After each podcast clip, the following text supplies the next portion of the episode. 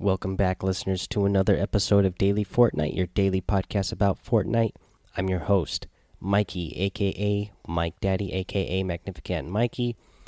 I am a creator that you can support and support a creator in Fortnite. Just go to the item shop, put in Mike Daddy, M M M I K E D A D D Y, and whenever you're shopping in there, a little bit will go my way big thank you to Luigi's Meatballs for sending me a uh, picture there in Discord, showing me that you are indeed supporting me there in support creator. Really appreciate it, my man. Um, thank you so much, and thank you for joining the Discord recently. Let's see here, and a big shout out to Milo LS 2007. He sent me a picture showing me he's uh, supporting me there in the item shop. Actually, got to play with Milo LS 2007 tonight. Uh, we only got to play a couple matches, uh, but uh, had a good time. Uh, we placed, uh, we didn't get to win, but we placed high every match that we played, and we each got you know a couple of uh, eliminations each match, so uh, it went well. So maybe one of these other times that we play together, we are going to get that victory royale. Uh, here's hoping.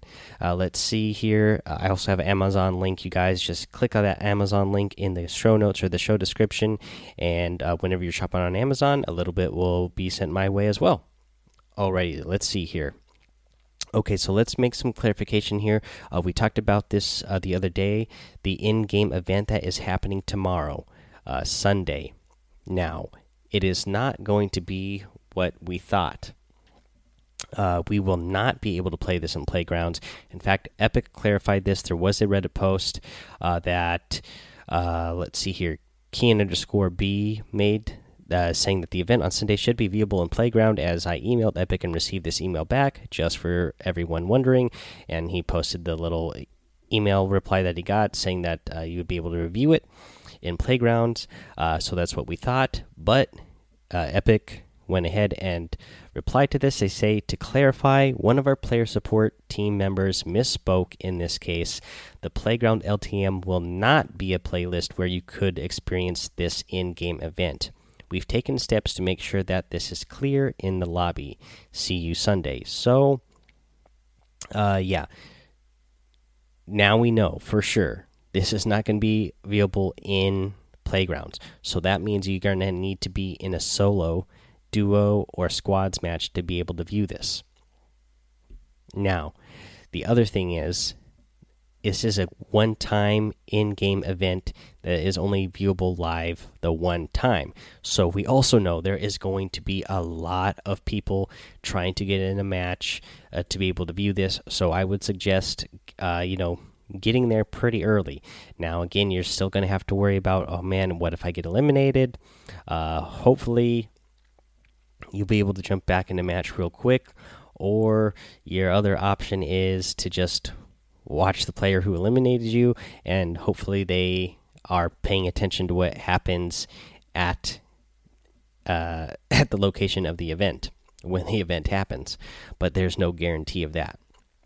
But also remember, guys, it's a uh, one time event. There's a lot of streamers out there who will be streaming it and recording it. So if you don't get to see it live, you're going to see a lot of people uh, be able to watch videos of what happened uh, when it happened live. And I'm sure with the replay system, there'll be a ton of people who make some really awesome videos uh, with the replay system that you'll be able to see as well. Let's see here.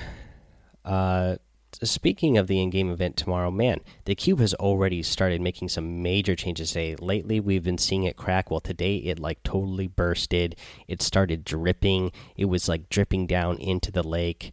Uh, if you go look at the cube now, it's all like bubbly and weird looking. Uh, it's pretty awesome. So I am really excited for whatever is going to happen tomorrow. Again, that's going to be, uh, let's see here, one o'clock my time, I believe. I'm on the West Coast, so definitely uh, be on the lookout for that, you guys. Let's see here.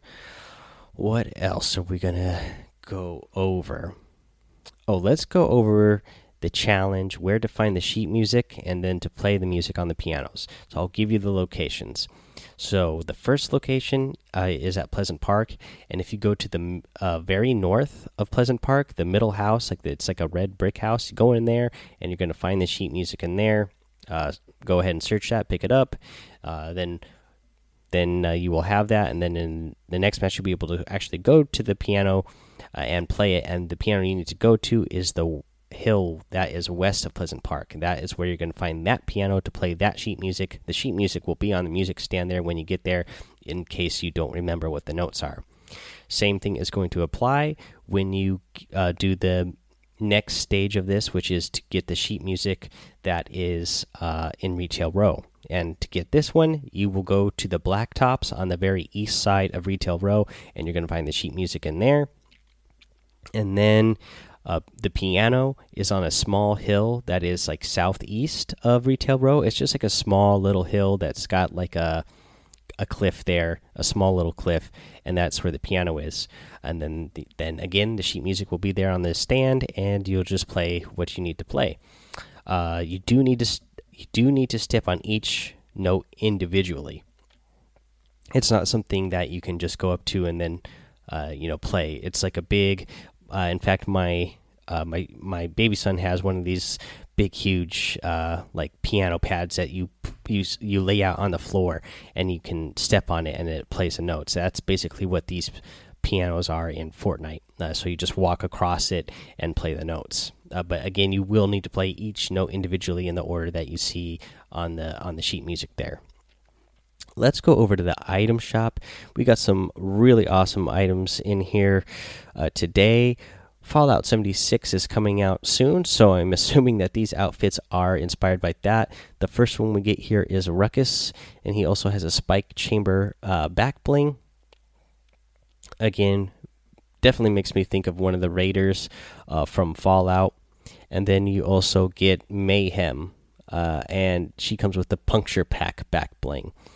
And again, definitely reminds me of the Raiders from uh, Fallout. And then you're going to get the Junk Jet Glider. Uh, this is a pretty cool looking glider. I like it. I, I, like the whole theme that they got going on here. And then uh, I actually like this harvesting tool a lot, and is the Splinter Strike harvesting tool. This is all part of the Wasteland Warrior set that came out today. Big fan of this uh, harvesting tool in the daily items, you get the Wreck Raider outfit. You know, I was a fan of this one when uh, when we had the Shark Week. You get the Dragon Axe harvesting tool. You are going to get the Twist emote. I've always been a big fan of the Twist emote. Uh, let's see here. You get the uh, moniker outfit. Uh, I was a big fan of this one when it first came out too. Uh, I still am, and I actually really want a hoodie like this character is wearing. I want this in real life. you know, IRL for sure. Uh, I want to wear this around. It it looks cool, looks comfortable, and yeah, I like the design on it. Uh, let's see here. You're also going to get the prismatic glider in the item shop today, and then you get the click emote. And that is your item shop for today. Let's do a tip of the day. And you know what? My tip of the day it's going to be inspired by the Battle Brothers. Uh, I don't know if you guys know these guys, but the Battle Brothers they have a uh, uh, Fortnite podcast, and they also do recently started doing a Call of Duty podcast for uh, Black Ops.